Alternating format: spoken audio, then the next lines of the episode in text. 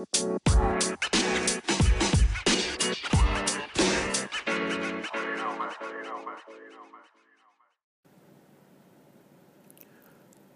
jumpa di podcast Bicara Energi. Semua bicara, semua energi untuk semua. Bersama saya, Benny Suryadi. Podcast Bicara Energi episode kali ini Akan mengulas tentang sebuah buku energi Yang berjudul Petroleum Paradox Natural Resource and Development in Indonesia 1967 to 1997 Jadi ini sebuah buku yang berbahasa Inggris. Saya mendapatkan kesempatan sebagai pengulas langsung saat buku uh, ini diluncurkan uh, pada tahun uh, pada bulan Desember 2014 uh, pada waktu itu secara langsung oleh uh, penulis Dr. Francesca Seda seorang sosiolog dari Universitas Indonesia meminta saya menjadi uh, pengulas uh, dari buku yang uh, beliau tulis ini uh, selama 10 tahun terakhir saya menemukan banyak sekali buku uh, buku energi yang yang uh, ditulis oleh orang Indonesia sendiri uh, mengulas tentang dunia energi di Indonesia. Namun ini uh, satu dari sedikit buku yang dunia energi yang saya baca dari uh, kacamata seorang sosiolog. Jadi bu dalam buku ini dibahas uh, mengulik dari sejarah bahwa kita selama ini cukup terpapar dengan fakta bahwa Indonesia uh, pernah menjadi negara produsen minyak bumi dunia dan devisa yang dihasilkan dari minyak bumi menjadi tulang punggung penggerak ekonomi. Namun uh, realitasnya saat ini dengan berat hati kita sadari juga bahwa hampir separuh dari kebutuhan bahan bakar minyak harus kita dapatkan dengan mengimpor dan besaran subsidi energi yang harus dialokasikan pemerintah dalam anggaran pendapatan dan belanja negara sangat besar sehingga menghambat gerak pemerintah dalam membangun berbagai infrastruktur atau meningkatkan pelayanan pendidikan dan kesehatan untuk masyarakat. Uh, bukunya sendiri mengulas uh, secara lebih dalam perjalanan dari tahun 1967 hingga 100, 1997 dan bukunya diterbitkan pada tahun 2014 oleh penerbit Universitas Indonesia. Uh,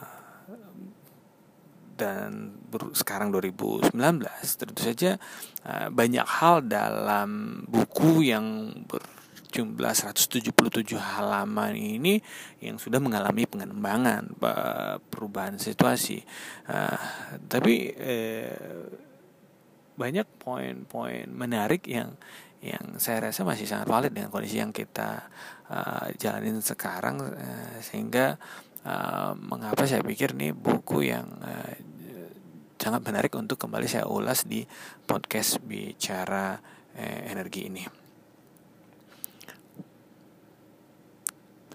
Um, lalu mengapa minyak bumi uh, yang dulu digadang-gadangkan sebagai berkah bagi negeri ini malah sekarang menjadi masalah? Um, mungkin uh, kalau konteksnya uh, yang mendengar adalah milenial atau generasi tahun 90-an ke sini uh, mungkin tidak terlalu atau tidak mengalami ketika fase di mana uh, minyak bumi itu dianggap sangat sangat uh, murah sekali uh, dibandingkan dengan uh, uh, kondisi kita sekarang. Dulu minyak bumi memang digadang-gadangkan sebagai berkah uh, bagi negeri ini tapi ta sekarang ini dianggap menjadi uh, masalah. Atau dalam bahasanya uh, yang penulis atau penulisnya mengemukakan memakai terminologi uh, sebagai uh, petroleum paradox sumber daya alam uh, khususnya minyak bumi ini menjadi uh, dua eh, mata sisi eh, dari sebuah koin yaitu sebuah berkah dan kutukan sebagai seorang sosiolog dari Universitas Indonesia, eh, Seleda selama ini eh, terkenal akan pemaparan pemikirannya tentang berbagai hubungan antar manusia atau masyarakat, termasuk juga tentang permasalahan Indonesia Timur. Namun melalui buku Petroleum Paradox ini, Dr. Seda secara baik menganalisis pembangunan Indonesia yang bertumpu pada uang dari minyak bumi selama rentang waktu 1967 sampai 1997 seperti yang disampaikan oleh penulis, buku ini merupakan nukilan dari disertasi yang ditulis berdasarkan penelitian di lapangan dan juga wawancara dengan banyak pihak di Jakarta dan Kalimantan Timur pada tahun 1997 sampai 1999. Membandingkan dengan negara Venezuela sebagai sesama produsen minyak bumi dan menumpukan pertumbuhan ekonominya kepada minyak bumi semasa rentang waktu kajian, dan Korea da Selatan dan Taiwan di sisi yang bersebangan berseberangan sebagai negara yang miskin sumber daya alam dan harus mengembangkan industri. Dr. Seda secara komprehensif menjelaskan bagaimana pertumbuhan ekonomi di Indonesia di bawah pemerintahan Soeharto. Lebih baik jika dibandingkan dengan sesama petrostate atau negara produsen minyak bumi, namun terpuruk jauh dibandingkan dengan negara-negara yang mengembangkan industri. Jadi Dr. Sedap melihat bahwa uh, Indonesia dalam konteksnya dibandingkan negara-negara sejenis yang sama-sama juga mengandalkan uh, minyak bumi atau dolar hitam sebagai tumpuan ekonominya seperti Venezuela, Indonesia dianggap lebih baik. Tapi dibandingkan dengan negara-negara yang uh, punya berfokus mengembangkan industrinya sebagai seperti uh, Korea Selatan, negara Indonesia dianggap uh, terpuruk jauh. Lebih lanjut, uh, Dr. Sayeda menjelaskan di bukunya di bawah arahan langsung Soeharto Ibnu Sutowo membangun Pertamina dengan menerapkan sistem kontrak bagi hasil produksi atau lebih dikenal dengan istilah production sharing contract sehingga menjadi satu-satunya perusahaan milik negara yang memiliki kekuatan finansial yang begitu besar untuk menjalankan berbagai proyek industri nasional di hampir semua bidang. Pemasukan yang besar akibat tingginya harga jual minyak bumi selama periode oil boom menjadikan pemerintahan Soeharto mempunyai modal yang cukup untuk membangun infrastruktur dan industri, pendidikan juga pertanian. Selain itu seperti yang dijelaskan penulis, Soeharto juga secara tepat memanfaatkan persaingan antara dua kubu tak resmi, yaitu Ibnu Sutowo dengan Pertamina dan kelompok nasionalismenya versus atau berlawanan dengan Bapenas dengan para teknokratnya yang berpaham pasar bebas. Sebelum setelah sebelumnya Pertamina dengan uang minyak bumi menggerakkan perekonomian, ketika harga minyak di dunia jatuh, Soeharto mengembangkan strategi industri berorientasi sesuai arahan dari para teknokrat Bappenas. Jadi eh, tadi tadinya mulai dengan fase Ibnu Sutowo ketika memang harga minyak tinggi, namun kemudian setelah itu eh, Soeharto mengembangkan strategi eh, sesuai dengan arahannya Bappenas. Namun sayangnya seperti Petrostat lainnya, Indonesia tidak lepas dari perangkap penyakit Belanda atau disebutnya Dutch disease. Deregulasi yang digagas Bapenas malah memperlebar wilayah korupsi dari rezim Soeharto. Pendapatan negara yang selama ini didominasi dari kekayaan alam dan juga dana dari luar negeri bukanlah dari pajak menyebabkan rendahnya transparansi. Jadi kan uh, dananya dari jualan dana dari uh, luar negeri sehingga mungkin pada waktu itu uh, tidak terekspos akan transparansi uh, uh, informasinya. Sehingga uh, rezim Soeharto sendiri tak tertahankan menjadi predator dari ekonomi negeri sendiri membaca buku yang dipaparkan oleh dokter saya dari sudut pandang sosiolog menjelaskan kepada saya mengapa selama rentang tahun 1967 sampai 1997 di bawah rezim Soeharto minyak bumi yang semula berkah itu menjadi kutukan. Penjelasannya penulis yang runtun dan jelas membuat ini buku ini menarik untuk dibaca.